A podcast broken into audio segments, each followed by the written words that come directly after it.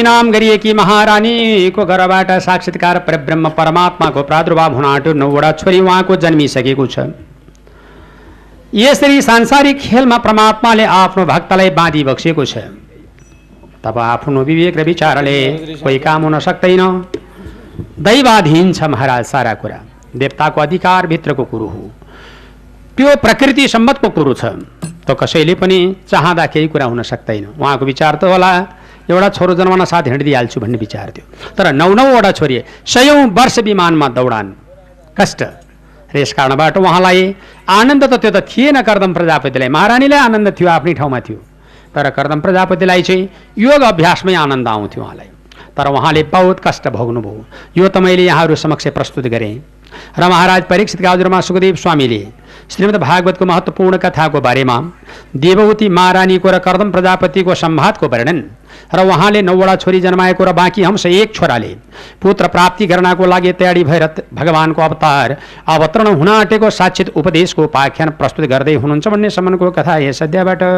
जय बोलो श्रीमद् भागवत महापुराणको स्वर्गवासी श्री पाँच बडा महारानी ऐश्वर्य राज्य लक्ष्मी देवी शाह र उहाँका सकल परिवार र एवं नातेदार सबैको त्यहाँ भएको जब दसौँजनाको एकै घटनामा उहाँहरूको आत्माले दिवाङ्गत प्राप्त गर्यो।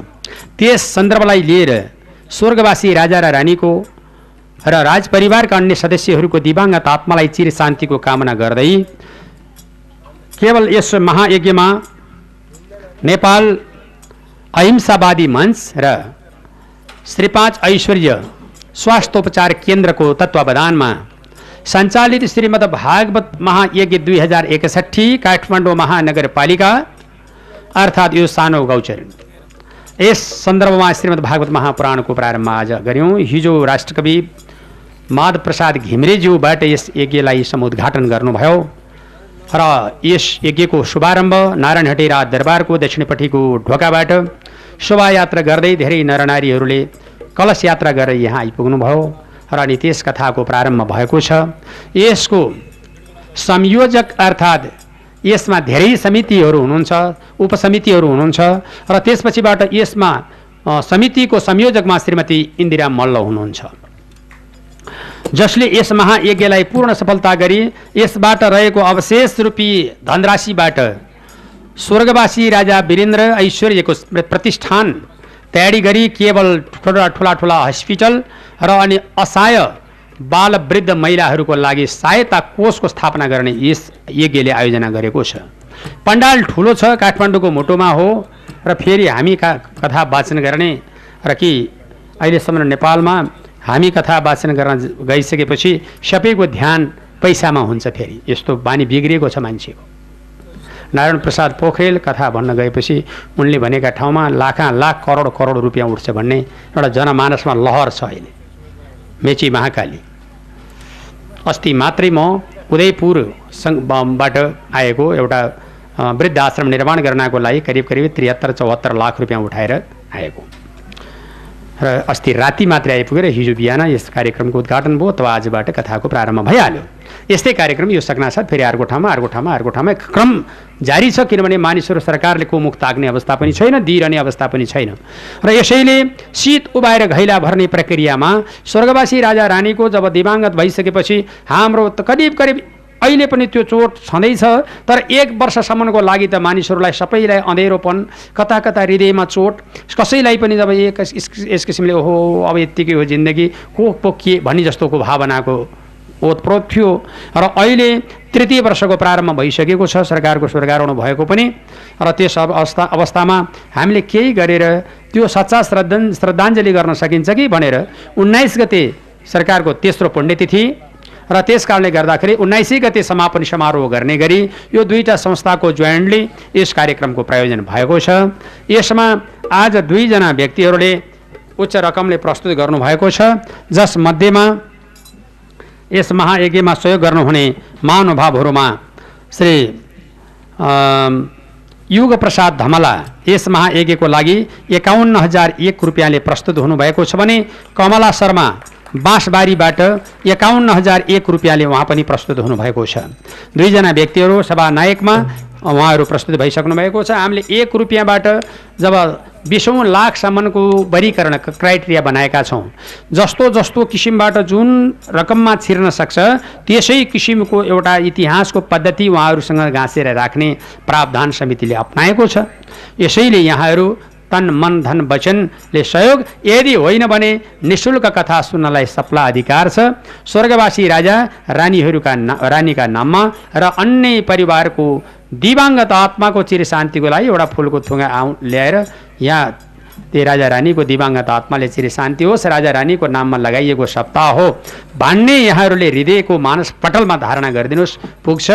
यदि कसैले भावना भयो अब केही दान गरिदिउँ भने दान कक्ष छ समिति छ त्यसको पारदर्शिता छ त्यसको प्रोग्राम छ त्यसको गुरु योजना छ।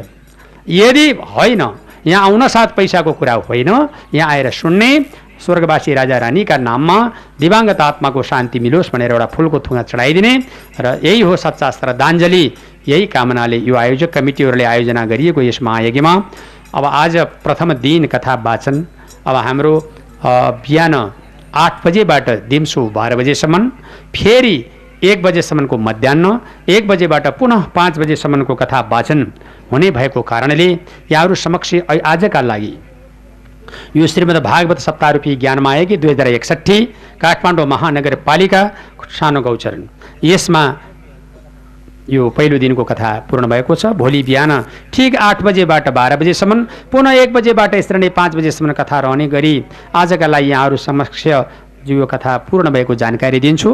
र अहिले यहाँ कर्ताको रूपमा विश्व हिन्दू महासङ्घ अन्तर्गत हिन्दू नारी जागरण समितिका दिदीबहिनीहरू यहाँ कर्तामा बसेर आफ्नो स्वर्गवासी राजाको आत्माको शान्ति पाओस् भन्नको लागि उहाँहरू कर्ताको रूपमा विद्यमान हुनुभएको छ। टाढा टाढा कसैको घर छ भक्तपुर कसैको घर छ ललितपुर कसैको घर छ काठमाडौँको सीता पाइला रामकोटसम्म। यसरी उहाँहरू आएर यस यज्ञलाई सहयोग र सद्भावको कामना गरी हर बखत भोलिन्टियर सेवा र कर्ताको रूपमा रहनु भएको छ।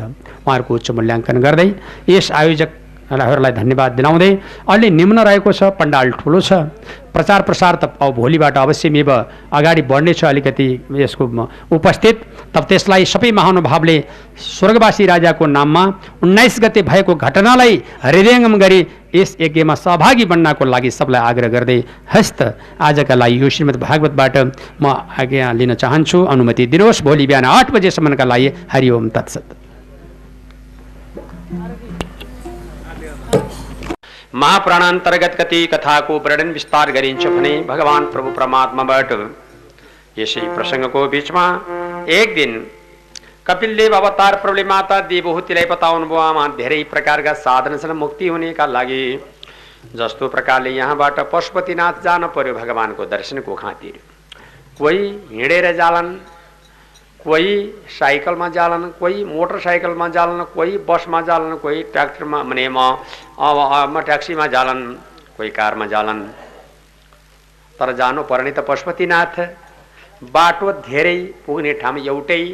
धर्मको पनि पुग्ने ठाउँ एउटै। साधन र स्रोत स्रोत धेरै।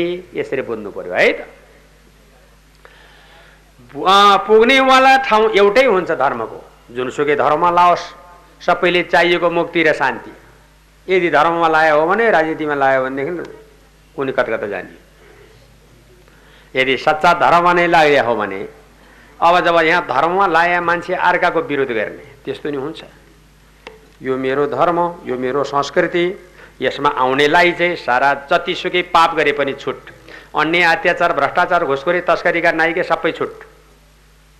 अब अर्को धर्ममा लायो भने चाहिँ ए छोलास छोलास। त्यसले छुवा खानु हुँदैन है। ल। त्यस्तो विखण्डन र विसङ्गतिको जब लहर यसबाट सावधानी अप्नाउनुपर्छ। धर्म भनेको शान्ति हो। धर्म भनेको मुक्ति हो। धर्मले जब एक ठाउँमा पुर्याउँछ जहाँ ऐश्वर्य प्राप्तिका लागि जीवन जगत अध्ययन गराउनका लागि। त्यो कुरा सारा छोडेर केवल मानिसहरू जब आफ्नो आफ्नो एउटा सम्प्रदाय खोल्यो तैपनि फलानु सम्प्रदायको अध्यक्ष भनिदिन्छन् कि भन्यो त्यतिर ला त्यो त भएन। यसै कारणबाट बहुसाधन योगत धेरै साधन छन्। हाम्रो एक लाख पच्चिस हजारवटा मार्ग छ। मुक्ति हुनेको मार्ग। एक लाख पच्चिस हजारवटा मार्ग। कसैको कर्मकाण्ड कसैको भक्ति काण्ड कसैको ज्ञान काण्ड कसैको वैराग्य कसैको जीवन जगत अध्ययन भगवत भक्तिमा प्रेम। सबै प्रकारको कामना पूर्ण गरिसकेपछि साक्षात्कार भगवान्का चरणमा ध्यान मनन कीर्तन गरे अहिले परमात्माको भक्तिमा चित्त लगाउनु महाराज परीक्षितलाई सुखदेव स्वामीले बताउनु भयो हस्त सौनकादि ऋषि प्रणाली। भनेर सौनकादिका उपरमा अहिले पौराणी सुतले नै मिसारण्य क्षेत्रमा यस प्रकारबाट निधो गराउनु भयो। अब त्यहाँदेखि प्रान्तका लागि अब बाँकी अंशका लागि तपाईँले के सुन्न चाहनुहुन्छ भनेर सोधिएको खण्डमा हस्त मेरो प्रभु। हजुरको मुखारबिन्दबाट मैले धेरै प्रकारका महत्त्वपूर्ण कथाका वर्णनहरू सुन्दै सुन्दै सुन्दै सुन्दै सुन्दै आएँ। अब अन्तिम धर्म के हो त? मुक्ति हुने मार्ग के हो त अन्तिममा? ल भन्नुहोस्। भन्दा सुनिरहनुहोस् यो चाहिँ।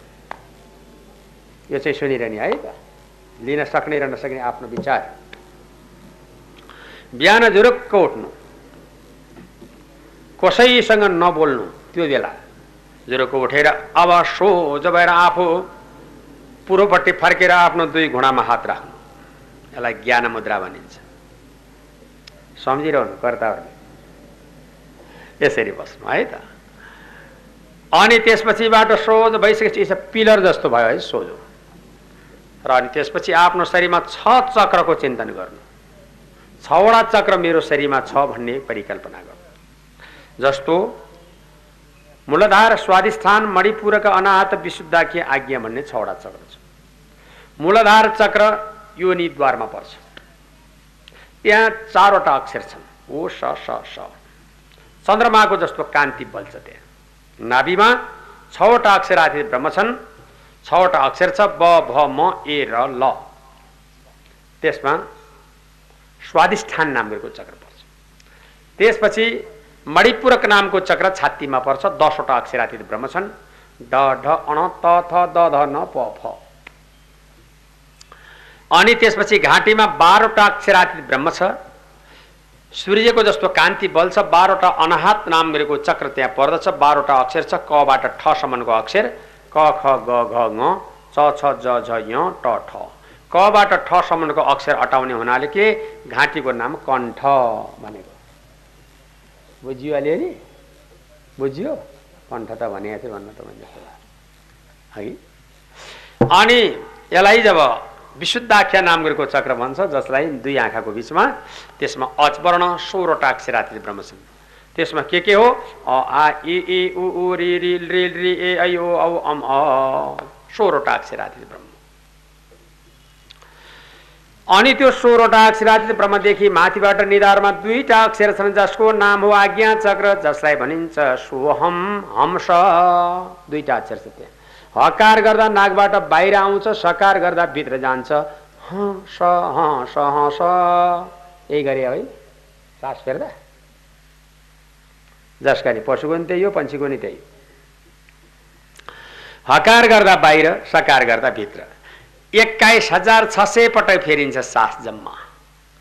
स्वस्थकर जीवनले छ सय गणेशलाई दिने त्यहीँ बसेर छ हजार ब्रह्माजीलाई छ हजार विष्णुलाई छ हजार शिवजीलाई एक हजार चिर आत्मा एक हजार परात्मा एक हजार जीवात्मा जब गुरुलाई दिएर जप सङ्ख्या निवेदन गर्नु नाकको पाल एउटा थुन्नु श्वास जति माथि तान्नु त्यो श्वासलाई तानेको श्वास देब्रे नाका पालले फाल्नु र दुइटै नाका पाल आफ्नो कान समेत थुनेर अनि पूर्वपट्टि फर्किएको मौकामा बिहान नबोलिकन गरिएको यो सौबत ध्यानको वर्णनमा आफ्नो चित्त ईश्वरमा लगाएर अड्याएर सत प्लस चित प्लस आनन्द स्वरूप भगवान्को प्रार्थना गर्नु।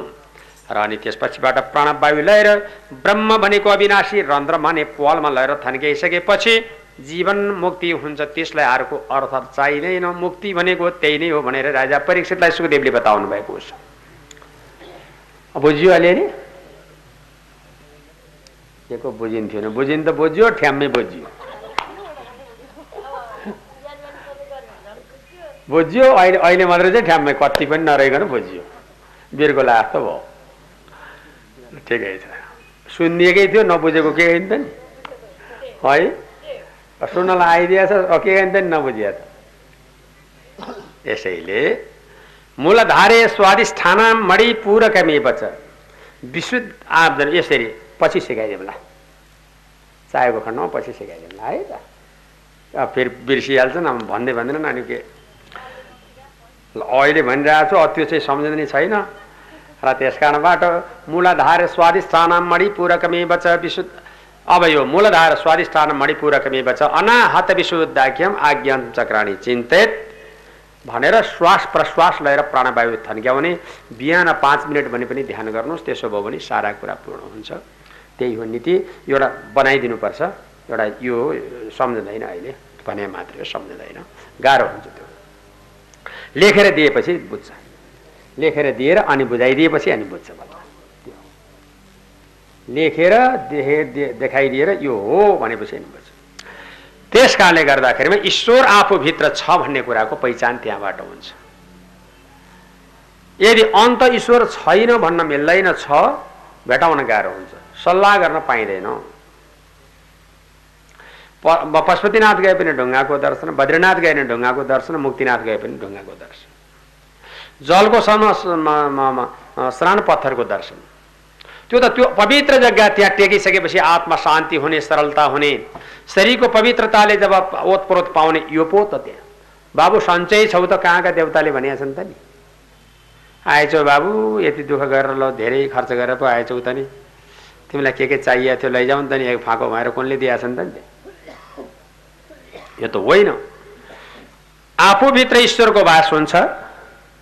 बाहिर चित्त शान्ति गर्ने र परमात्माको खेलबाड गरेको अत्यन्त पवित्र पावन जग्गामा गइसकेपछि आफ्नो शरीरको पवित्रताले छाउँछ शरीर। यही प्रकारको नीति हो।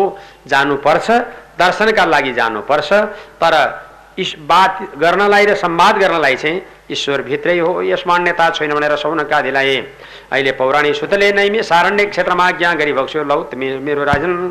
सबैभन्दा ठुलो कुरो कालबाट डराउनु पर्यो काल भनेको समय हो है त हिजै भनिदिएको छु। काल भनेको समय हो समयबाट डराउनु पर्छ। यसै कारणबाट समयदेखि जो डराउँदैन त्यो नरकवास हुन्छ। जो समयसँग डराउँछ त्यसको लागि होसियार हुनुपर्छ। समय भनेको जब काल हो काल भनेको समय हो। यो समय बलवान छ। अब त्यो समय बलवान भएको कारणले गर्दाखेरिमा अब समयको लागि याद गर्नु। घरमा आगो लगाइसकेपछि कुवा खन्न जान हुँदैन भ्याइँदैन।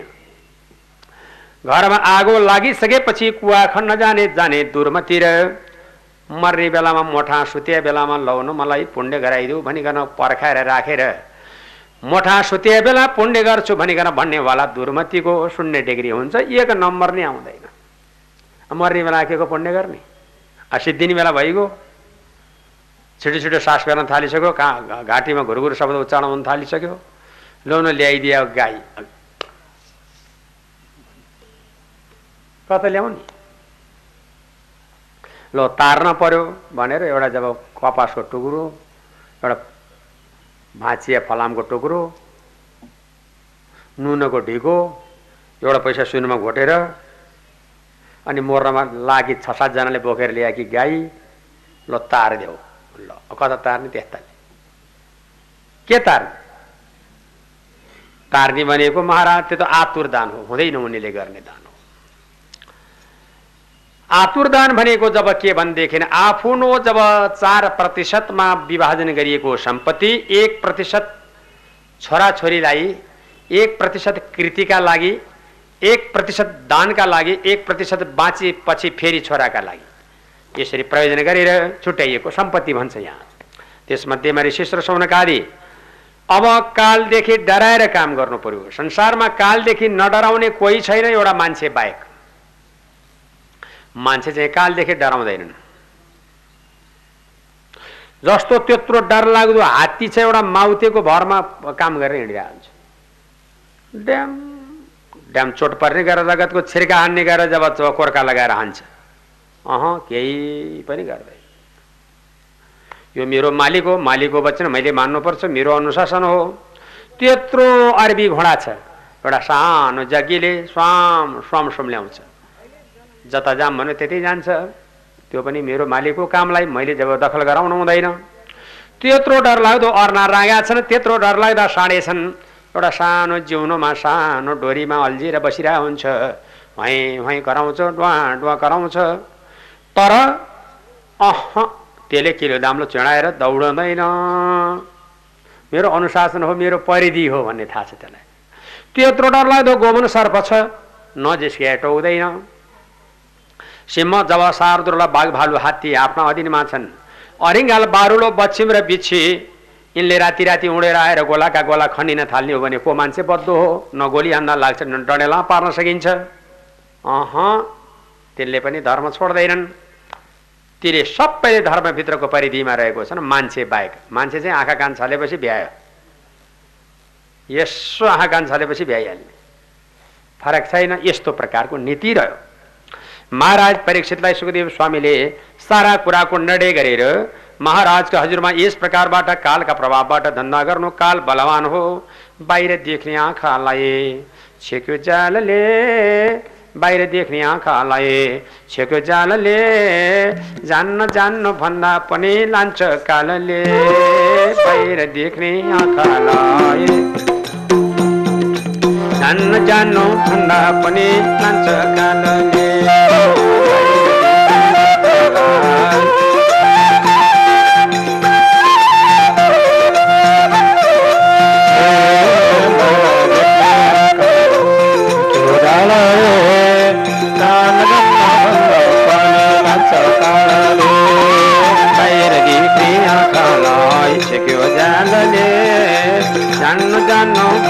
पनि लान्छ कालले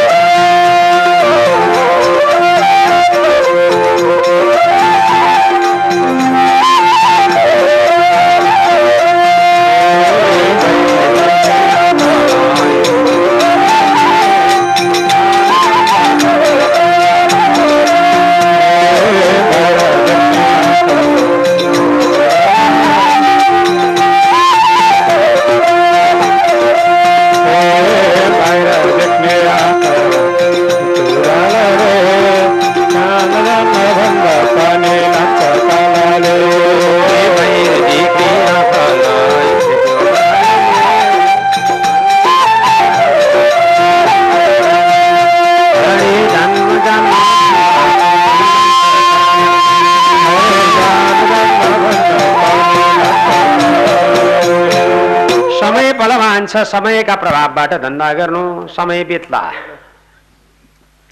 बालस्ताबो क्रीडासक्तो तरुणै ताबो तरुणै रक्तो वृद्धस्ताबो चिन्तामग्नम यस्तो प्रमाण छ। बालसकालमा खेल्दैमा गयो शिशु अवस्थामा अज्ञानतामा गयो बाल अवस्थामा कुसङ्गतका सङ्गतमा गयो यौवन अवस्था भएपछि नाच्नु गाउनु र जब अनेक प्रकारका कुसङ्गतका प्रभावबाट जीवन गयो। वृद्धको चिन्ताले भरियो, अब कहाँ जाने हो महाराज? यही हो बिती। यही हो खेल भनेर सौनकादिलाई अहिले पौराणिक सुतनैमी सारण्य क्षेत्रमा यथार्थ प्रमाणको निर्णय गराउँदै हुनुहुन्छ भन्ने सम्बन्धको कथा है सभ्यबाट। जय बोलो श्रीमद् भागवत महापुराणको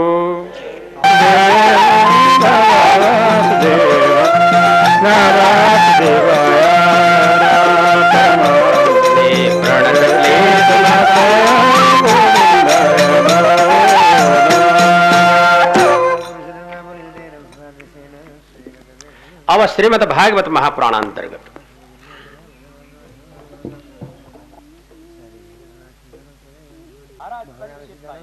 सुखदेव स्वामीबाट आज्ञा गरिबक्छु हस्त सौनकाद ऋषि प्रणालीहरू।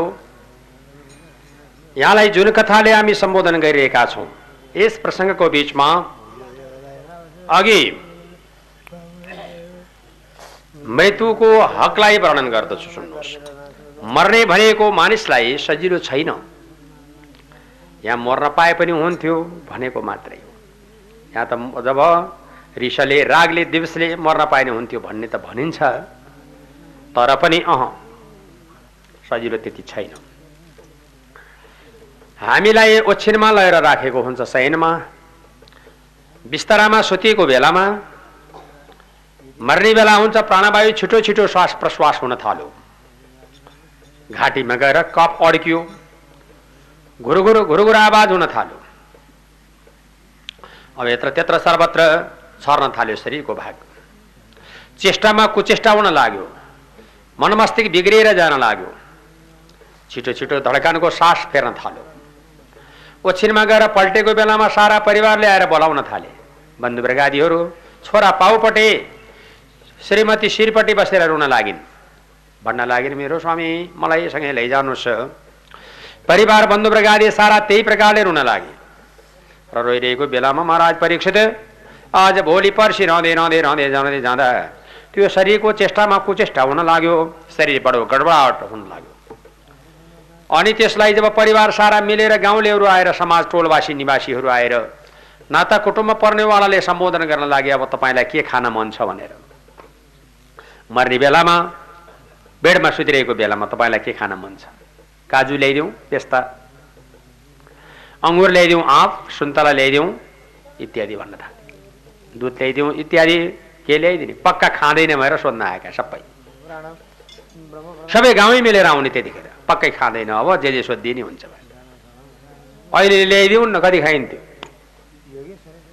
अहिले चाहिँ जब अहिले अहिले ल्याइदियो कति चाहिँ हुन्थ्यो? अहिले म है? व्रत बसिए बेला र त्यसै कारणबाट अब के ल्याउने? त्यो बेला के खान्छौ? भनेर प्रश्न गर्न लागे के खाने? त्यो बेलामा खाने एउटा कुरा छ महाराज राम रामेति रामेति रमे रामे मनोरमे सहस्र नाम तातुल्यम राम नाम भरानने। अच्युतम केशवम राम नारायण कृष्ण दामोदरम हरि। श्रीधर माधव गोपिका बल्लभ जानकी नायकम रामचन्द्रम भजे। बस यही हो खाने। नरसिंहं स वामन राम राम कृष्ण च बौद्ध कल्कि तथैव च। श्रीमा काली महालक्ष्मी महा सरस्वती गणेश भास्कर देवी शिव विष्णु च पञ्चम। यही हो खाने के खाने के को दही खाने के को दुध खाने।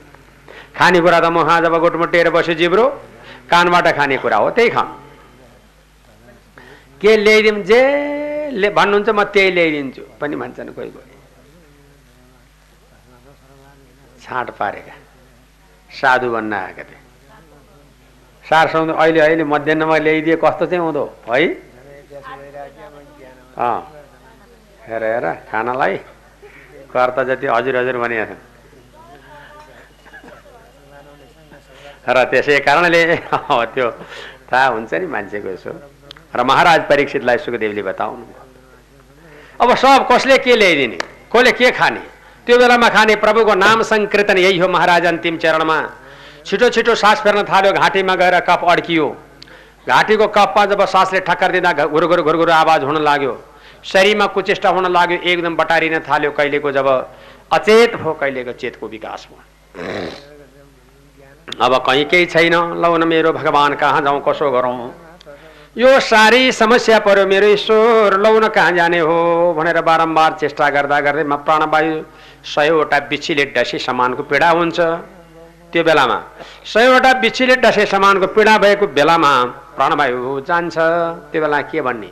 हरि भन्नु कि अय्यामा भन्ने? हुन्थ्यो भन्न त खै। लोन सानुको बुवा मर्न आँटी भन्ने होला नि। र त्यसै कारणले जे होस् भन्न सके त बढिया हुन्छ प्राणवायु खुस्कियो। बिछिले डसे समानको पीडाले प्राणवायु धप्पै गयो। यमराजका दूतहरूले च्याप समाते। लय लासघाटपट्टि बाँसको खपिटामा बाँधबुँध बनाए सेतो कपन ओढाए पहिलो जब यस किसिमबाट जब पिताम्बरले झाके लासघाटपट्टि लयो जन्ती गयो मलामीको जन्ती है त। अब गइसकेपछि महाराज ढोकासम्म श्रीमती रुँदै आइन्। आफ्नो पति मरे मेरो स्वामी मलाई पनि सँगै लैजानुहोस् है भने। उनी त त्यतिसम्म त भन्छ नि बर। त्यो श्रीमान बनाउँदो त त्यही पनि भन्दैन। बुढी मरी भनेदेखि त्यति पनि भन्दैन। अझ मरे तेह्र दिनका दिनमा मिटिङ पो राख्न थाल्छ। हो है। होला होला र त्यसै कारणले ल म के गरौँ त बाबु हो जिन्दगानी बिताउन सक्दिनँ होला एउटा व्यवस्था मिलाइदियो भनेको बिहा गर्ने सुरु पो गर्छ आज उता बुढो चाहिँ बुढी चाहिँ मलाई लैजानुहोस् है तपाईँ जहाँ जानु भएको छ मलाई उहीँ लैजानुहोस् है त्यो भन्छन् भन्न त जाम भने त उनी पनि केही जान्दिन र नि माथि तलतिर उक्लन्छन्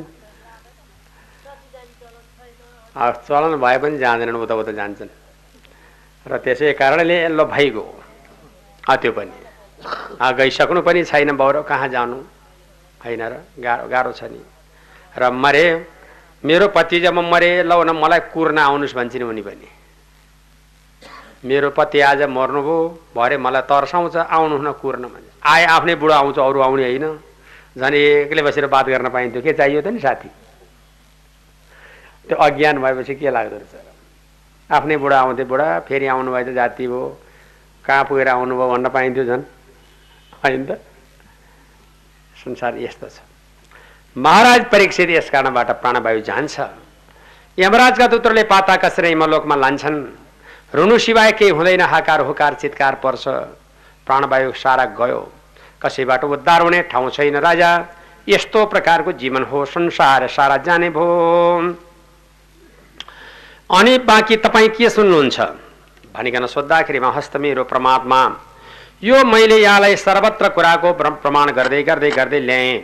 बाँकी अंशको लागि अब केही पनि सुन्ने इच्छा छ कि त भनेर सोद्धाखेरिमा लौ त मेरो प्रभु हजुरको मुखारबिन्दबाट मैले सारा सम्पूर्ण प्रकारको महत्त्वपूर्ण कथाको वर्णन यो श्रवण गरेँ।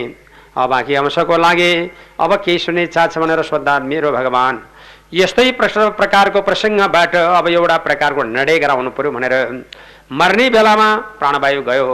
लासगाडसम्म जब छोरा गए ढोकासम्म पत्नी रुँदै आइन्। देह चितासम्म गयो जलेर खरानी भयो। गाडिदियो माटो भयो त्यसै छोडिदिए स्याल कुत्ताले बिस्टा बनाएर फाल्यो। जीवन गयो अनि जीवन गइसकेपछि महाराज कसैले साथ कसैले केही दिएन। रुनु सिवाय कहीँबाट केही हुँदैन बारम्बार हुन लाग्यो। कराउन लाग्यो।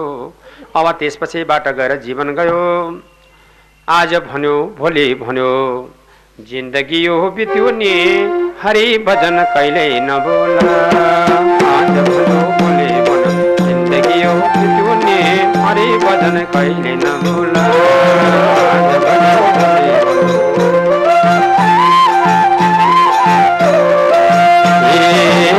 भन्यो भोलि भन्यो। जिन्दगी यो बित्यो नि हरि भजन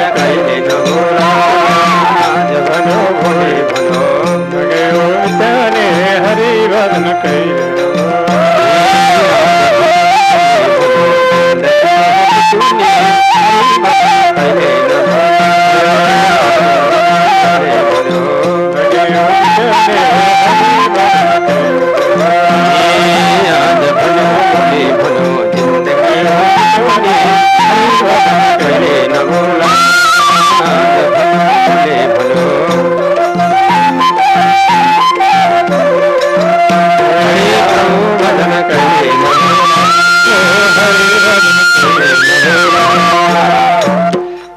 बाँसको खपिटामा सनपटको डोरी।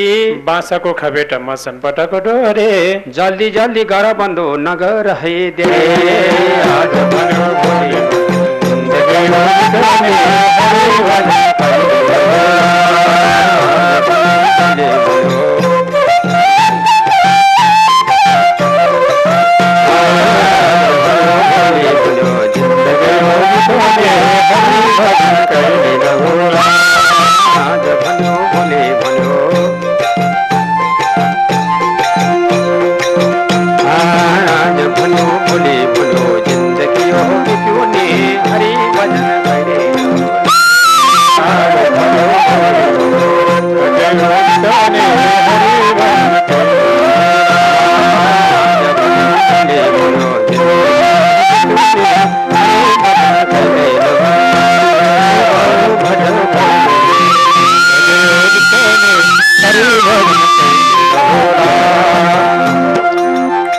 यसरी महाराज परीक्षित बन्नु बसे चारैतिर पत्नी बसे शिर बन्नु बसे चारैतिर पत्नी बसे शिर जीवले गति अन्तै लियो गङ्गाजीको तिर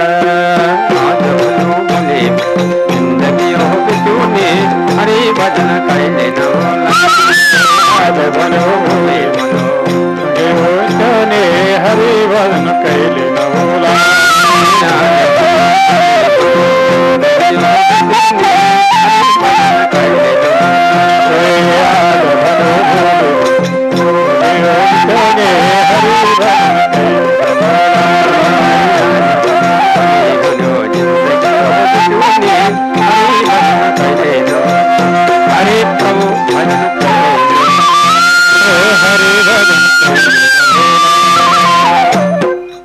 यस्तो छ जीवन समाप्ति भएर जान्छ। कसैले साथमा केही लाँदैन न छोरा न बा परिवार।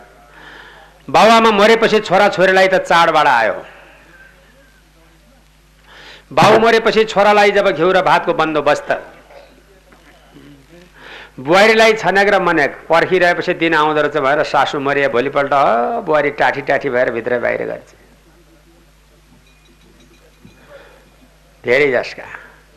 अनि त्यसपछिबाट अब छोरी चाहिँलाई बाबामा मरिसकेपछि के दिन्छन् भन्ने पल्याएर पुलोको त्यो गला लागेको र काना लागेको मलाई सुनाइ थिएन आमाले भन्छन् त्यसै झुटो बोलेको। लानलाई। कसले के दिने साथ? को हुने आफ्नो। आत्मैव केवलम सर्वे भेदा भेदो न विद्यते। आफ्नो बन्धु आफै अरू कोही हुन सक्दैन महाराज परीक्षित भनेर राजा परीक्षितका हजुरमा सुखदेव स्वामी श्रीमद् भागवतको महत्त्वपूर्ण कथाको वर्णन यथार्थ जानकारी गराउँदै हुनुहुन्छ। हस्त सौनकादि ऋषि प्रणाली भनेर सौनकादिका उपरमा पौराणिक सूत्रले नैमी सार नक्षत्रमा श्रीमद् भागवतको महत्त्वपूर्ण कथाको वर्णन विस्तार प्रस्तुत गर्दै जीवन जगतको महिमा प्रमाण गराउँदै हुनुहुन्छ भन्ने सम्बन्धको कथा यस अध्यायबाट जय बोलो श्रीमद् भागवत महापुराणको अब सुन्नुभयो सौनकादि ऋषि प्रणालीहरू। श्रीमद् भागवत महापुराणको दशम भने यस तृतीय स्कन्दको अहिले एकतिस अध्यायको बिचमा अब गर्भवासमा पनि त्यत्तिकै आपत छ जन्मँदाखेरिमा त्यत्तिकै आपत छ जो मर्दा भयो त्योभन्दा डबल गर्भवासमा आपत छ जस्तो पिताजीको अमूल्य प्रिय माताको अमूल्य रक्तचापमा गएर प्रवेश गरिसकेपछि कलल आवाजले पूर्ण भएको शरीरको जीव धारणा हुन्छ।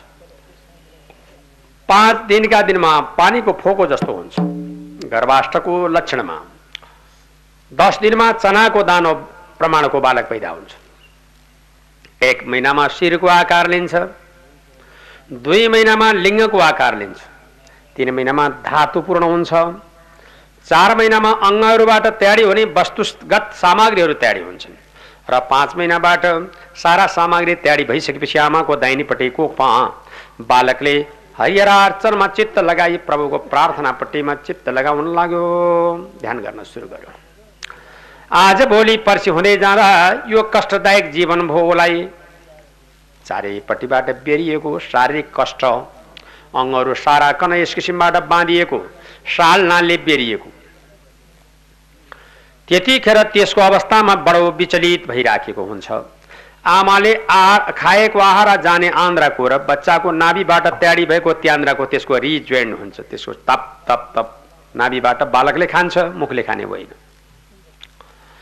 अनि त्यतिखेर त्यसले के विचार गर्यो भने आमाले खाएको तातोले पोल्यो तारोले चर्यायो पिरो भयो अमिलोले चर्यायो बार बारम्बार हरेक बाधा अडचन भयो। अब मलाई यहाँबाट उद्धार गरिदिई बक्सनु पर्यो। हजुरलाई कोटि प्रणाम भनेर प्रभुसँग प्रार्थना गर्छ। सम्भव भएन। हरेक जनले उसलाई प्रार्थना गर्छन्। सम्भव भएन। ध्यान गर्यो मनन गर्यो कीर्तन गर्यो प्रार्थना गर्यो सम्भव भएन। उत्रिने उपाय भएन। हरे म कहाँ जाउँ भनेर प्रभुसँग बिन्ती गर्यो। कसैले बात गर्ने सम्बन्ध सम्बन्ध राख्ने कोही छैन। ईश्वर मलाई यहाँबाट उद्धार गरिबक्सोस् अबदेखि प्रान्त। मेरो मति भगवानमा प्रवेश होस् पनि। मेरो मति नबिग्रियोस्, अब ईश्वरमा गएर म अर्पित हुन्छु भनेर भगवानको भजन गर्न लाग्यो आज भोलि पर्सि रहँदै रहँदै रहँदै रहँदै रहँदै जाँदाखेरिमा त्यसको उपरमा जम्माकन अब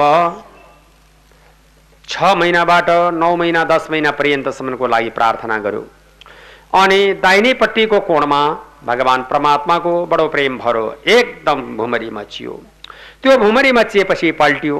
पल्टिसकेपछि सुती र प्रसुति वायुले तलबाट तानेर माथिबाट घचट्ने गर्दा हात जोडेर बालक फ्याट पैदा भयो।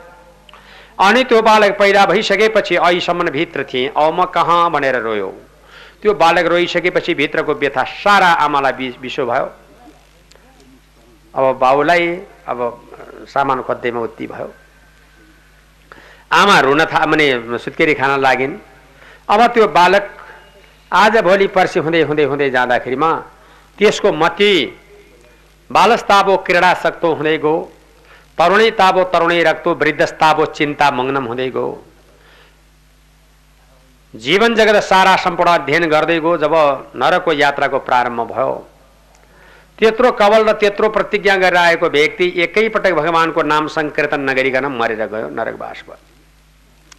अदतो दानां च भवत् दरिद्रो दरिद्री भावां च करोति पापां। पापं प्रभावान् नरकं प्रियन्ति पुनर्दरिद्री पुनरेव पापे। पापीको दरिद्री दरिद्रीको पापी जीवन यस्तो भयो। समाप्ति गरेको लौ त सौनकादि ऋषि प्रणाली संसार यस्तै हो। यसबाट होसियारी हुनु पर्ला साथमा केही नजाने प्रकारको निदो भयो भनेर सौनकादिका उपरमा पौराणिक त नैमी सारण्य क्षेत्रमा जन्मदाखेरिको आपत मृत्युको आपत जन्म र मृत्यु को लक्षण यी सबै प्रकारका कार्यक्रमहरू महाराज परीक्षितलाई सुखदेव स्वामीले जन्मको कारण मृत्युको कारण यो दुःखै दुःखको बरु यो दुःखै दुःखको जन्म र मृत्युको घडीमा जन्मै नहोस् मृत्यु नै नहोस् यो नै सर्वोपरि हो कि राजा परीक्षितलाई सुखदेव स्वामीले बताउनु भयो सरकार, त्यो बन्न सके त राम्रो हुने थियो।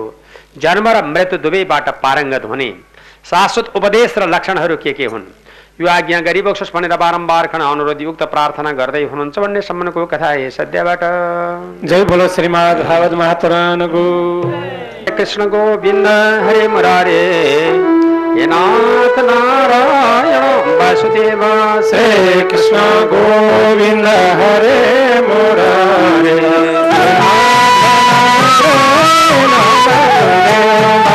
वासुदेवं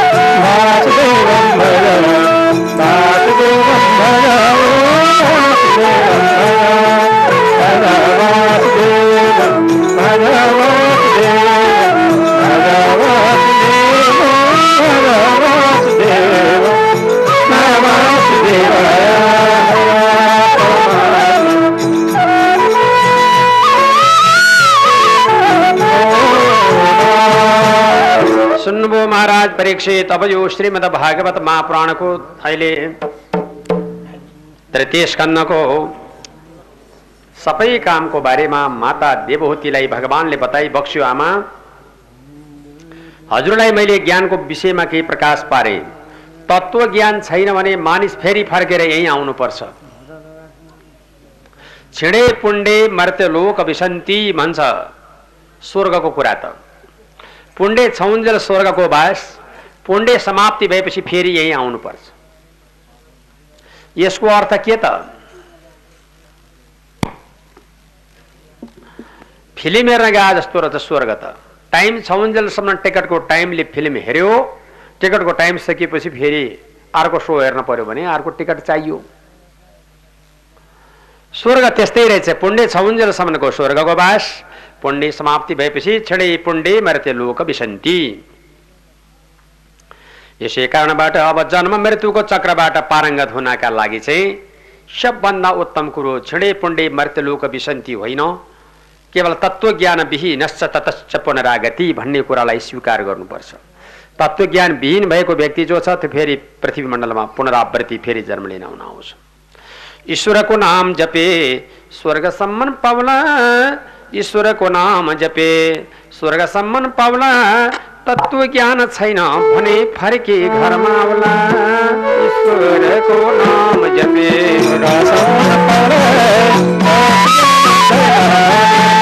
घरमा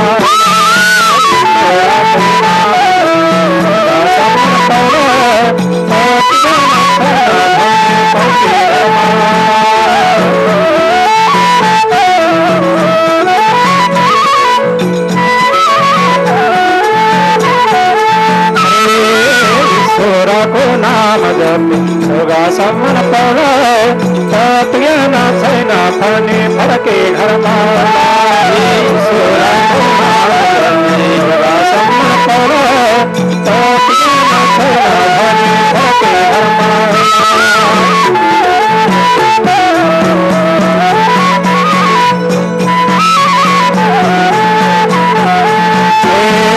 ईश्वरको नाम जपे स्वर्गासन फल तत् ज्ञान छैन भने फर्के घरमा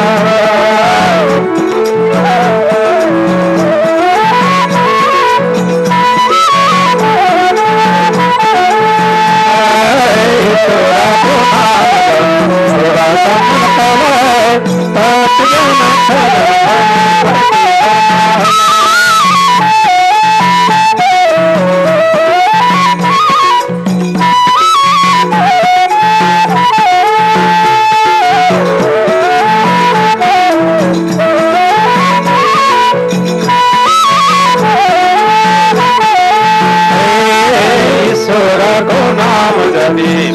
पौल तत्व ज्ञान छैन भने फर्के घरमा आउला।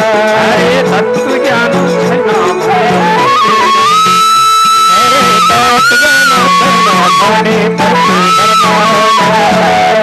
ज्ञान हुँदैन मानिस त फेरि पुनरावृत्ति त भइहाल्छ जन्म लिन त आइहाल्छ पृथ्वी मण्डलमा यसै कारणले माताश्री अब तपाईँलाई मेरो परम उपदेश। यतिकैमा टुङ्ग्याइदिन्छु माता। अब आज तपाईँ पिताजीका शरणमा जानुहोस्। हजुरको पतिदेव मेरो पिताश्री कर्दम प्रजापतिले आज तपाईँलाई वैकुण्ठ धाममा दर्शन भेट दिनुहुनेछ। दुई दाम्पत्य जीवनको सुखमयको कारण फेरि तयारी हुनेछ आमा। हस्त म विदा हुन्छु है त मेरो आमा भनेर कपिलदेव भगवानले आज्ञा गरिबक्सेको थियो। अनि महारानी जब देववती अत्यन्त प्रसन्न मुद्रामा भगवान यस्तो महानुभावलाई मैले छोरो पाउन पाएँ। म कति भाग्यमानी हुँ। यस्तो महापुरुष आज मेरो पुत्रको रूपमा प्रकट भइबक्स्यो। इच्छा सिद्धिको कामना गराउनु भयो हजुरको जय होस् भनेर प्रार्थना गरेर आमा मौन व्रत बस्नुभयो। त्यही शरीरले मातालाई स्वर्ग प्रभुले पुर्याइदिनु भयो भगवान परमात्मा कपिल अहिले सरासरकन गङ्गा सागरमा पाल्नुभयो र अहिलेसम्म गङ्गा सागरमा परमात्मा विराजमान हुनुहुन्छ। जसले कपिलदेव भगवानको दर्शन गरी गङ्गा सागरको स्नान गर्छ। त्यसको जन्म अनन्य हुन्छ। र जीवन मुक्ति हुन्छ यसमा आशंका छैन। हस्त महाराज परीक्षित। यो तृतीय स्कन्द जम्मा तेत्तिस अध्यायले पूर्ण भएको। यसरी यो साङ्ख्य योगको वर्णनको वर्णन। यहाँहरू समक्ष मैले प्रस्तुत गरेँ। अब बाँकी अंश कुरा केही सुन्ने इच्छा छ। भनेर महाराज परीक्षितलाई सुखदेव यथार्थ जानकारी गराउँदै हुनुहुन्छ भन्ने सम्बन्धको कथा यस अध्यायबाट। जय बोलो श्रीमद् भागवत महापुराणको। जय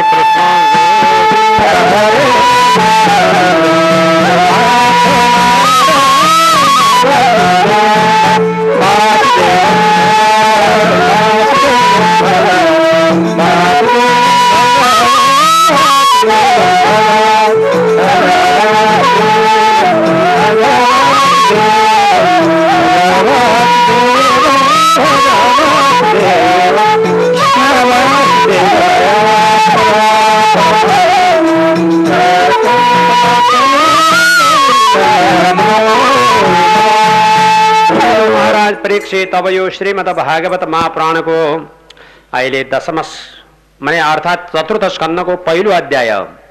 राजा परीक्षित महाराजलाई सुखदेव स्वामीबाट सम्बोधन गर्नुभएको छ। ओम श्री गणेशाय नम श्री परमात्मने नमो मैत्री उवाच मनस्तु शत्रुपायां तिस्र कन्यां च जगिरे आकुत्री देवहूति च प्रसूति रीति विस्तृत। स्वयं मन्वन्तरमा तेस्रो अध्याय माने कन्दको वर्णन बताएँ। अब त्यसदेखि पछाडिबाट चारौँ मन्वन्तरमा चारौँ मनुको पाल माने यस किसिमबाट चारौँ कन्दमा। महाराज परीक्षितलाई सुखदेव बताउनुहुन्छ सरकार यसै प्रसङ्गको बिचमा एक दिनको कुरो हो। सबै प्रकारको कामनाको पूर्ण गर्नका लागि मरिचीका वंशमा पैदा भएका कला पत्नी कलाकी जब यस किसिमबाट धेरै प्रकारका सन्तानहरू र पूर्णिमा आदि पनि तीबाट पैदा भएका हुन् र अनि त्यसदेखि पछाडिबाट महान पराक्रमी दत्तात्रेय स्वामी अत्रेकी पत्नी अनसुयाबाट विष्णुको अंशबाट ब्रह्माको अंशको प्रभावबाट जुन प्रकारबाट ब्रह्माको अंशले महान पराक्रमी पैदा भएका छन् चन्द्रमा शिवजीको अंशको प्रभावबाट दुर्वासा नाम गरेको ऋषि यसरी तीन पुत्रहरू महान पराक्रमी तीन पुत्रहरू यस्ता प्रकारबाट पैदा भए दत्तात्रेय स्वामी चन्द्रमा र त्यसपछिबाट दुर्वासा ऋषि र पुलस्त्यकी पत्नी हबिर भू भन्ने हुनुहुन्थ्यो। तिनीबाट विश्रवा नामका पुत्र पैदा भएका छन्। विश्रवाका छोरा जेठा जेठीपट्टि कुबेर माइलीपट्टि रावण र कुम्भकर्ण साइलीपट्टि विभीषण कान्छीपट्टि खर र त्रिशिर। र अनि त्यसपछिबाट दक्ष नामको प्रजापतिकी पत्नी प्रसुति महारानीका घरबाट सती देवीको जन्म सती देवीलाई चाहिँ साम्ब सदाशिवजीले विवाह गरी बक्स्या तर साम्ब सदाशिवजीको पत्नी सतीदेवीको बारेमा बडो गम्भीर सोचेर। सतीदेवीले यस कारणबाट आफ्नो प्राणाहुति दिनुभयो। भन्दाखेरिमा साँच्चै सतीदेवीले प्राण आहुति दिनुपर्ने कारण के थियो? सतीको संवाद दक्ष प्रजापतिको मानहानि शिवजीप्रति यो भएको संक्षिप्त विवरणहरू के आज्ञा गरी? सतीको महाराज यसै प्रसङ्गमा अब यहाँहरूलाई म स्वस्थानी व्रत कथा सम्बन्धी। जुन प्रकारबाट सदा शिवजी रानी प्राणी त्यसदेखि पछाडिदेखि पछाडिबाट कैलाश कैलाश व्रत कथा सम्बन्धी गम्भीर सोचेर। सतीदेवीले यस कारण सम्बन्धको कथा सद्यबाट